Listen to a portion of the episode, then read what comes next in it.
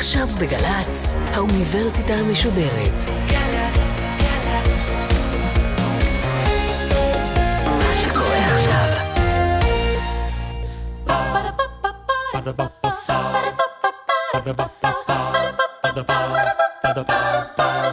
עכשיו. האוניברסיטה המשודרת מציגה מבוא ל עם קובי מידן והסמסטר טקסטים מכוננים של הישראליות והפעם שיחה עם הפרופסור דוד אוחנה מאוניברסיטת בן גוריון על ממזרח שמש מאת ג'קלין כהנוב עורכת ראשית מאיה גאייר שלום לכם. במרכז השיחה שלנו היום טקסט שנקרא ממזרח שמש.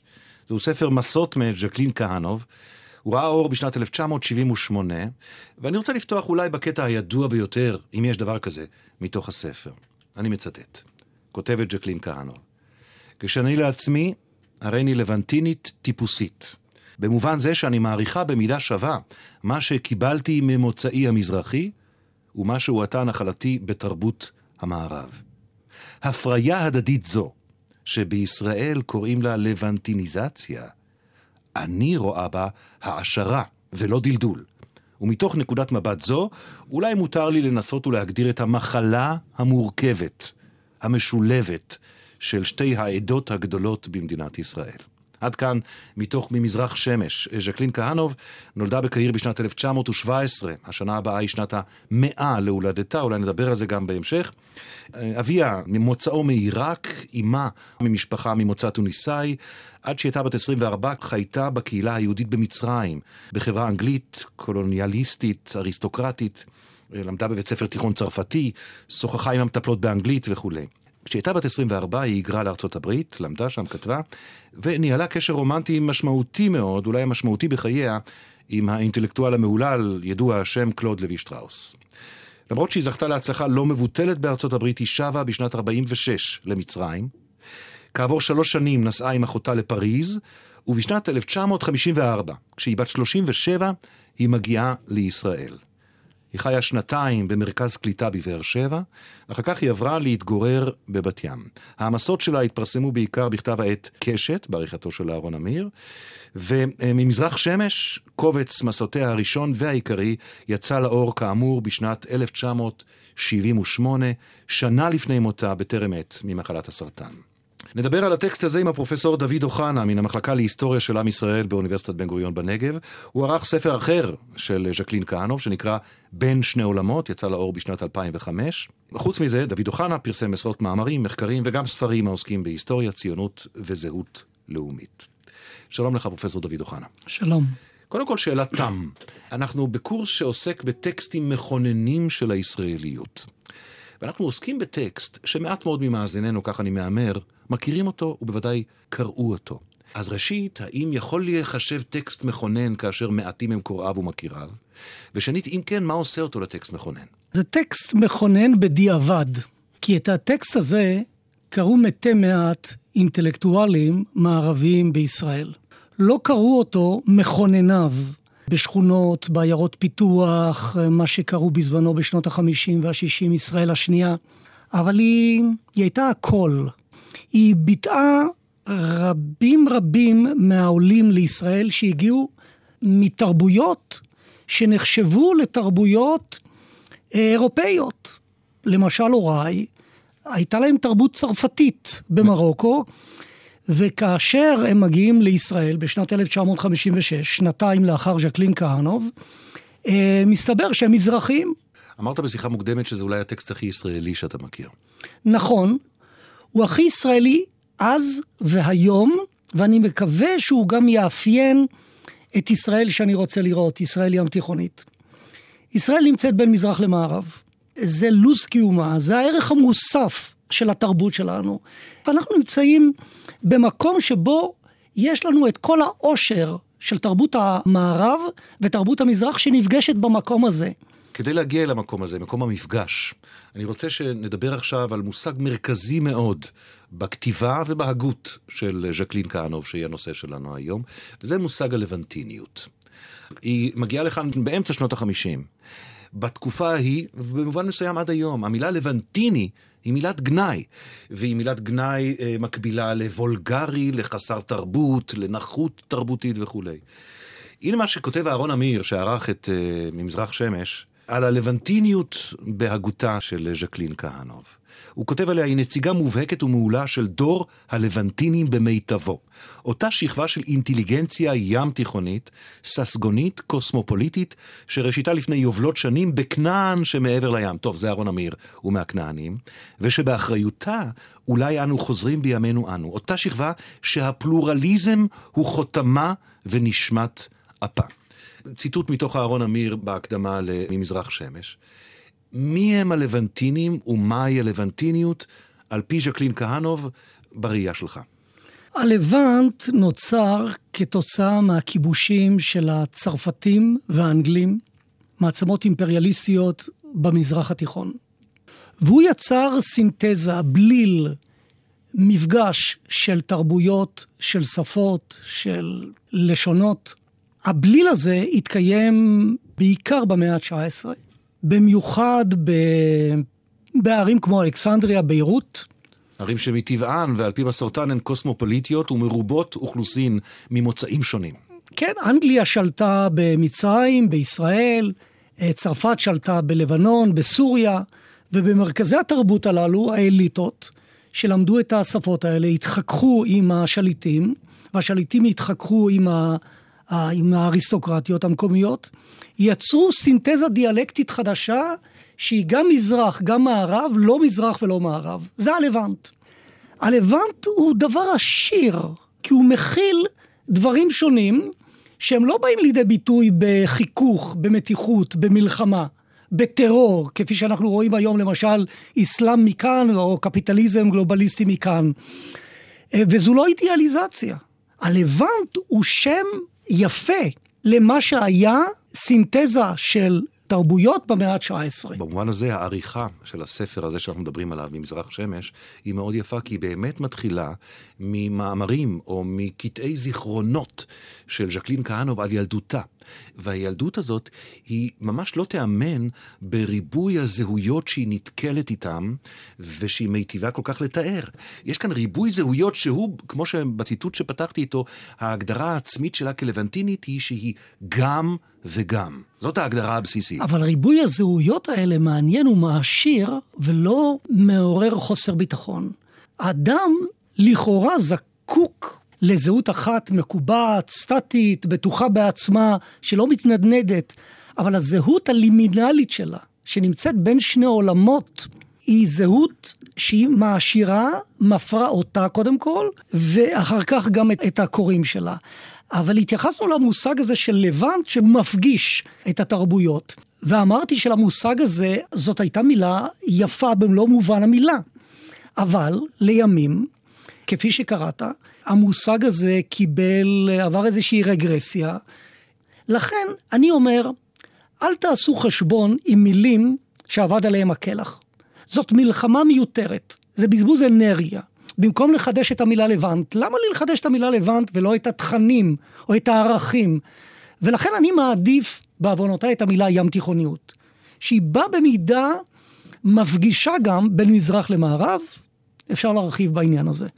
כאשר אה, מגיעה לכאן אה, ז'קלין כהנוב באמצע שנות החמישים, היא מציבה את המודל הזה של לבנטיניות, היא מציבה אותו כנגד הדיכוטומיה הקשה שהיא פוגשת פה. היא כותבת טקסטים חזקים מאוד, מרשימים מאוד ומורכבים מאוד, חלקם לא היו עוברים היום. כאשר היא רואה את מצבה של יהדות, מה שנקרא יהדות המזרח, העלייה החדשה אז בארץ. למשל, היא מדברת על העליות מארצות צפון אפריקה. היא קוראת לעלייה הזאת עלייה כרותת ראש. היא אומרת שרק שתי עליות, העלייה מתימן והעלייה מעיראק, הגיעו לכאן עם מדגם מייצג של הקהילה המקורית. שאר העליות, היא כותבת, האליטה העדיפה להגר למערב. ולכאן הגיעו השכבות האחרות. עכשיו, דבר כזה לא היה עובר היום, לא לאינטלקטואל מזרחי ולא לאינטלקטואל אשכנזי לכתוב. אני אומר לך, בעניין הזה, ז'קלין קאנוב לא היסטוריונית. כל המחקרים מראים שעלייה של אה, מרוקו, לא של אלג'יריה, כי 90 אחוז מהיהודים האלג'יראים עלו לצרפת, מכיוון שהם היו אזרחים צרפתים, הגיעה עם המנהיגות שלה. זה אחת האגדות שצריך להפריך אותן, ושהיא נותנת רציונליזציה להמון עוולות שנעשו שם. כלומר, אתה לא מקבל את הטענה הזאת של לא, אני לא מקבל. שהעלייה הזאת היא כרותת ראש, ושהאליטה הלכה למקומות אחרים. קשה לי להיות ביקורתי כלפי כהנוב, אבל אני חושב שהיא הייתה לה ראייה חלקית בעניין הזה. עכשיו, היא בעצם מבססת את התפיסה שלה מול באמת השנים הקשות האלה שהיא רואה כאן. היא מדברת על גזענות, והיא מדברת על הדרה, לא במילה הזאת, אבל היא רואה את זה בהתרחשותו. בתחושה שלי היא שואבת מתוך שני מודלים שהם שאובים גם מילדותה. אחד דיברנו עליו, וזה המודל הלבנטיני. זה לא מזרחי, זה גם מזרחי וגם מערבי וגם עוד כל מיני דברים. המודל המרובד הזה, שעליו היא גדלה. והמודל השני שהיא שואבת ממנו בתחושה שלי זה המודל של הלאומיות הצפון אפריקאית. של מאבק האלג'יראי למשל, לעצמאות נגד צרפת, נגד התרבות המערבית. היא אומרת דברים, כפי שאמרת, חריפים מאוד, אבל היא לא מגיעה למסקנות מיליטנטיות או גזעניות או רדיקליות. כפי שמגיעה הקשת המזרחית למשל. כאשר היא מגיעה לכאן, המושג, השליט בסוציולוגיה ובאתוס הציוני, הוא מושג כור ההיתוך. התפיסה שכולם צריכים להשיל את זהותם ולהתיך אותה לכדי אה, זהות משותפת, היא לא מקבלת את המושג הזה. לא משותפת. כאשר אומרים כור היתוך, לכאורה זה בלילה ומיזוג וסינתזה של הרבה דברים לדבר אה, אחר. ובכור ההיתוך התכוונו למודל מערבי, חילוני, אירופאי, לא התכוונו לסינתזה. וכאשר היא מתבוננת ודוחה את המושג הזה, את מושג כור ההיתוך, ז'קלין כהנוב, היא אומרת פחות או יותר כך, אני עושה פרפרזה ומתמצת, אומרת, יש כאן מפגש של שתי תרבויות. והיא אומרת בצורה מפורשת, אולי אתה מקבל ואולי אתה דוחה, היא אומרת, צריך להודות ביושר שיש עליונות לתרבות המערבית בתחומים מסוימים, עליונות של קדמה, של טכנולוגיה, של השכלה אה, מערבית וכולי. ובמפגש הראשון בין תרבות כזאת לתרבות השנייה, התרבות הראשונה מנצחת, התרבות השנייה, התרבות המזרחית, משפילה ראש ומנסה לאמץ, כך היא אומרת, לאמץ את ההישגים של תרבות המערב. אבל אז, בשלב השני, יש הבנה שגם לתרבות המערב יש חולאים וחוסרים, ויש יתרונות לתרבות המזרח, וזה למשל ההבנה של חיי הרגש ומרכזיותם, ההבנה של המרכזיות של קהילתיות, של סולידריות. כל הדברים הללו קיימים בתרבות המזרח, ואינם קיימים, קיימים בצורה חסרה מאוד בתרבות המערב, ובשלב השני אמור להיווצר המפגש הזה. אז אני חושב שאצל כהנוב השתלבו שני היסודות האלה כאשר היא יושבת ולומדת עיתונאות באוניברסיטת קולומביה ומתאהבת באנתרופולוג החשוב ביותר אז בעולם, קלוד לוי שטראוס, איזו תרבות יש לה? יש לה תרבות קוסמופוליטית, שיש בה גם את הלבנטיניות, גם את, אה, את התנ"ך שהיא כל כך מעריצה, גם את כל תרבות המיתוסים.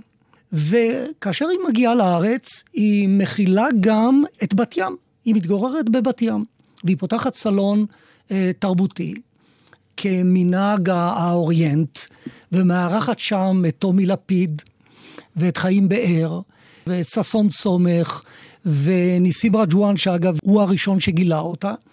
זאת אומרת, הוגים מבקרי תרבות, סופרים, משוררים, מכל קצוות הקשת התרבותית של ישראל. זאת ישראל שהייתי רוצה לראות. שהיא מפגישה את כל האליטות האלה, שאף אחת לא מביטה על האחרת מגבוה. אתה מזכיר את הסלון שהיא קיימה בבת ים, אני מתאר לעצמי, בסוף שנות ה-50, ראשית שנות ה-60, משהו כזה. כן. כלומר, הייתה הכרה אה, בחשיבותה, באיכויותיה, בזמן אמת, אבל עד כמה הקול שלה, לא נדבר על היום, אז, בשנים שהיא חייתה ובשנים אפילו אחרי מותה, כאמור בטרם עת, עד כמה הקול שלה והמודל שהיא הציעה, המודל הרב-תרבותי, הלבנטיניות לוחסן ים תיכוניות, עד כמה הקול הזה בכלל השפיע? עד כמה הקול הזה נשמע? עד כמה הקול הזה, אתה יודע מה, שימש כמכונן של אה, זהות מזרחית חדשה? בזמן אמת הוא לא התקבל כי לא, זה לא היה קול פוליטי, זו לא הייתה מפלגה או סוג של אה, הפגנה ברוטשילד. זה היה באמת קול בודד, זה גם היה כוחו, קול ספרותי. אבל עכשיו, במרחק של זמן הוא נשמע יותר ויותר בארץ ומעבר לים. עשרות רבות של כותבים חשובים מאוד בשטחים שונים, בינתחומיים, בלימודי תרבות, בלימודי המזרח התיכון, שפות, ספרות עברית, חוקרים את מעט הדברים שהיא כתבה. ובכן, הקול שלה היום מהדהד יותר ויותר. אני רוצה לקרוא קטע, ברשותך, קצר, אחד מהקטעים הרבים שבהם מדברת על מזרחיות, לוחסן כור היתוך, אולי כדי לסכם את הקטע הזה בשיחתנו. יהודי המזרח נתונים בקונפליקט, היא כותבת ז'קלין כהנוב, בלי אפשרות להתמודד עמו בדרכם, משום שבישראל נקלעו יהודי המזרח למציאות ההולמת אותם, כשם שמסגרת רבועה הולמת תמונה עגולה. הם מרגישים מקופחים, נידחים, ויש שהם נתקפים ייאוש. משום כך, יש שיהודי המזרח נוטים להגיב כלפי ישראל במידת מה, כפי שהיו יהודי הגטו מגיבים כלפי סביבתם העוינת. ובמידת מה, כפי שעמים שיושבים בקולוניות מגיבים כלפי לבני האור השליטים, שכן הדיכוי, גם כשהוא קיים בדמיון בלבד, תוצאותיו הן תמיד אותן תוצאות. זה נורא מעניין. היא העריכה מאוד את הפעולה של הפנתרים השחורים. כי הפנתרים השחורים לא הייתה תנועה עדתית. היו לה כמה היבטים, קודם כל, היא הייתה פוליטית מאוד, אפילו מעמדית הייתי אומר. אה, כמובן שהיה מטען מסוים למזרחיות, אבל היא לא הייתה תנועה של אה, מגזר מסוים, של אדם מסוימת. ולשם יכולה הייתה להתחבר. לקול הסוציאלי של סולידריות חברתית, היום יקראו לזה, של צדק חברתי, כאשר היא רואה במו עיניה מקומות נידחים לחלוטין, שלא שייכים לאותה מדינה מודרנית, חילונית, מערבית, שהיא מייחלת אליה. והיא מספיק רגישה, גם ספרותית וגם חברתית, לתעד את הדברים האלה. ואז כשהיא כאן, ב-67' כמובן, מלחמת ששת הימים. שמה שהיא עשתה לחברה הישראלית ולתודעה הישראלית, יש ימים ונהרות של טקסטים שנכתבו על כך ועוד ייכתבו. יש תיאורים נפלאים שלה, כשהיא נוסעת בפעם הראשונה לבקר בשטחים. אבל אני אקרא משהו אחר שהיא כותבת, שוב, מתוך המפגש הזה, הקונפליקט הזה בין החברה הישראלית לחברות שסביבה, לחברות הערביות שסביבה. אה, אם גם רבים טבחו בנו כל עוד הייתה מלחמתנו מלחמת קיום בלבד, הרי הטרדנו את מנוחתם של אחדים מידידינו הטובים ביותר, בפתאומיות שלמראית עין שבה זכרנו, כי שכם ויריחו היו פעם חלק ממלכותנו. אנו מזדעזעים וחושדים באנטישמיות, לא תמיד בטעות, מצד אותם אנשים הטוענים שאחרי הכל היו עוד עמים רבים בהיסטוריה, אשר להם תעודות ואנדרטות לאומיות המעידות על דבר מעין זה. אבל זה אינו מקנה להם את הזכות לתבוע בחזרה שטח ארץ לאחר היעדרות כה ממושכת. היא אומרת כאן, הגיעו בנפשכם, שערו, שהקלטים, הבסקים, או האינדיאנים האמריקאים ידרשו בחזרה את מורשתם, או שהיוונים יתבעו את הקיסרות הביזנטית, או האיטלקים את הקיסרות הרומאית. האם אין הדבר קודם כל חציפות, כלומר חוצפה סתם, ולאחר מכן אפילו פשיזם? ושוב, זה טקסט שהיא כותבת בעקבות ששת הימים, בעקבות מה שהיא רואה כאן, ההתעוררות הדתית, הלאומית, ההיסטורית, המשיחית, קרא לזה איך שאתה רוצה, היא אומרת, תרגיעו, ככה אני קורא את זה. כן, היא באמת הייתה אה, רגישה מאוד לראות כבר בימים הראשונים, כשהייתה פה אופוריה, כמו ליבוביץ', כמו מעטים, מעטים מאוד, את העם האחר. אה, זה לא מנע התרגשות אמיתית לראות את המקומות הקדושים בעיניה, או את הערבים שהזכירו לה, את ילדותה כמובן, אבל היא הצביעה שם לדלות והאביונות והמסכנות, שרק המערב והפרדת הדת והמדינה תחלץ אותם ממצבם. זאת אומרת, היא, היא הייתה מודעת למורכבות של העניין, אבל גם לתודעה הלאומית, וזה יש לציין שהיא הייתה אחת הראשונות. כן, כן, ויש באמת קטע נפלא שהיא מתארת מפגש שלה עם נשים. היום היינו אומרים פלסטיניות ערביות. והיא מדברת על הנשים הצעירות שיושבות שם בחבורה, שמסתכלות עליה, ועל הרצון שלהן לקצר את, הס... את החצאית שלהן, את ההימשכות שלהן לרעיון המערבי, אם תרצה, או בכל אופן לרעיון הקדמה, אה, במרכאות או שלא במרכאות, מה שמביא אותי לשאול אותך על המרכזיות של החשיבה הפמיניסטית בתוך סך ההגות של ז'קלין כהנוב. כן, זה מימד מאוד מרכזי, אבל אני, אני חושב שהיא אה, הייתה באמת פמיניסטית במובן הזה שהיא עדיין יודעת שהיא חיה ב... בים התיכון או במזרח התיכון או בלבנט, והכל צריך להיות אולי הדרגתי. והולך לקראת מערביות וחילוניות. אה, אני חושב שזה פמיניזם מדוד, נכון, לקונטקסט החברתי, התרבותי, ולא המהפכני. ושוב, כמו הרבה דברים, אה, הדברים נקשרים אצלה לילדותה ונערותה. כאשר היא מתארת את נערותה במצרים, בחברה אריסטוקרטית למדי, היא מדברת על עליה ועל בנות דורה, שמתמרדות כנגד הציווי של את בחורה, את צריכה ללמוד לתפור, את צריכה לחכות לבעל, את יכולה ללכת לחוגים, זה בסדר, אפילו ללכת ללמוד כזה אחר הצהריים פעמיים בשבוע משפטים, אבל לא כקריירה, אלא רק כדי לפתח את הדעה שלך, שיהיה לך מה לדבר עם בעלך. והיא ובנות חוגה, לא מעטות מבנות חוגה, אה, חונכו על ידי ההורים בעצם כדי למרוד בציווי הזה. כן.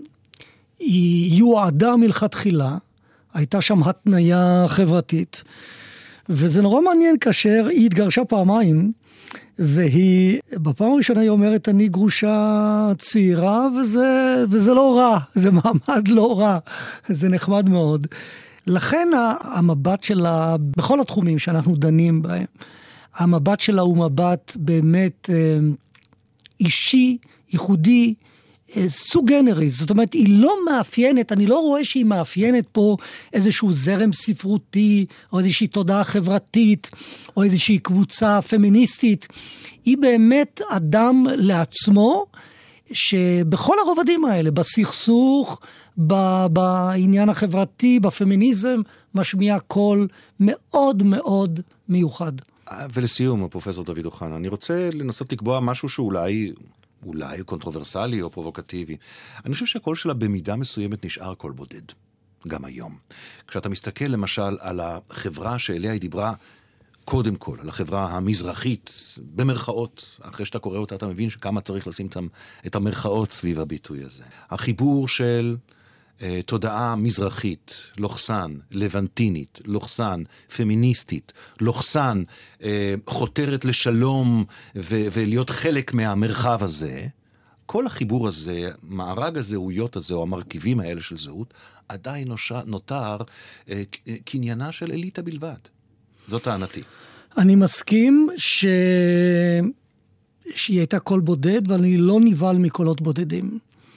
אני חושב שהיא התוותה דרך מסוימת שבלית ברירה החברה הישראלית תצטרך ללכת עם היא שואפת חיים, ל- להיות בתוך הים התיכון, להכיר את הסביבה, ולכן אני חושב שהמזרחים שמנסים לנכס אותה אל עצמה, או המערבים שאומרים שהיא אה, מערבית לחלוטין וקול בודד שלא מאפיין שניהם טועים.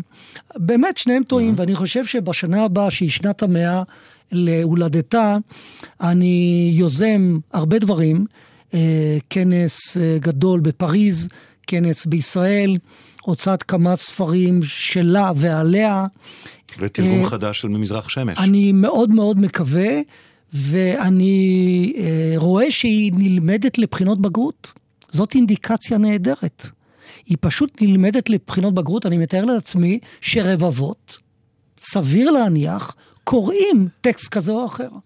אז זה הספר שעמד במרכז השיחה שלנו היום, ממזרח שמש, מאת ג'קלין כהנו, ואני חושב שבאמת אה, כחלק מהמפעלות לקראת 100 שנה להולדתה ב-2017, הפרופסור דוד אוחנה, יהיה ראוי לעדכן את התרגום של ממזרח שמש ל...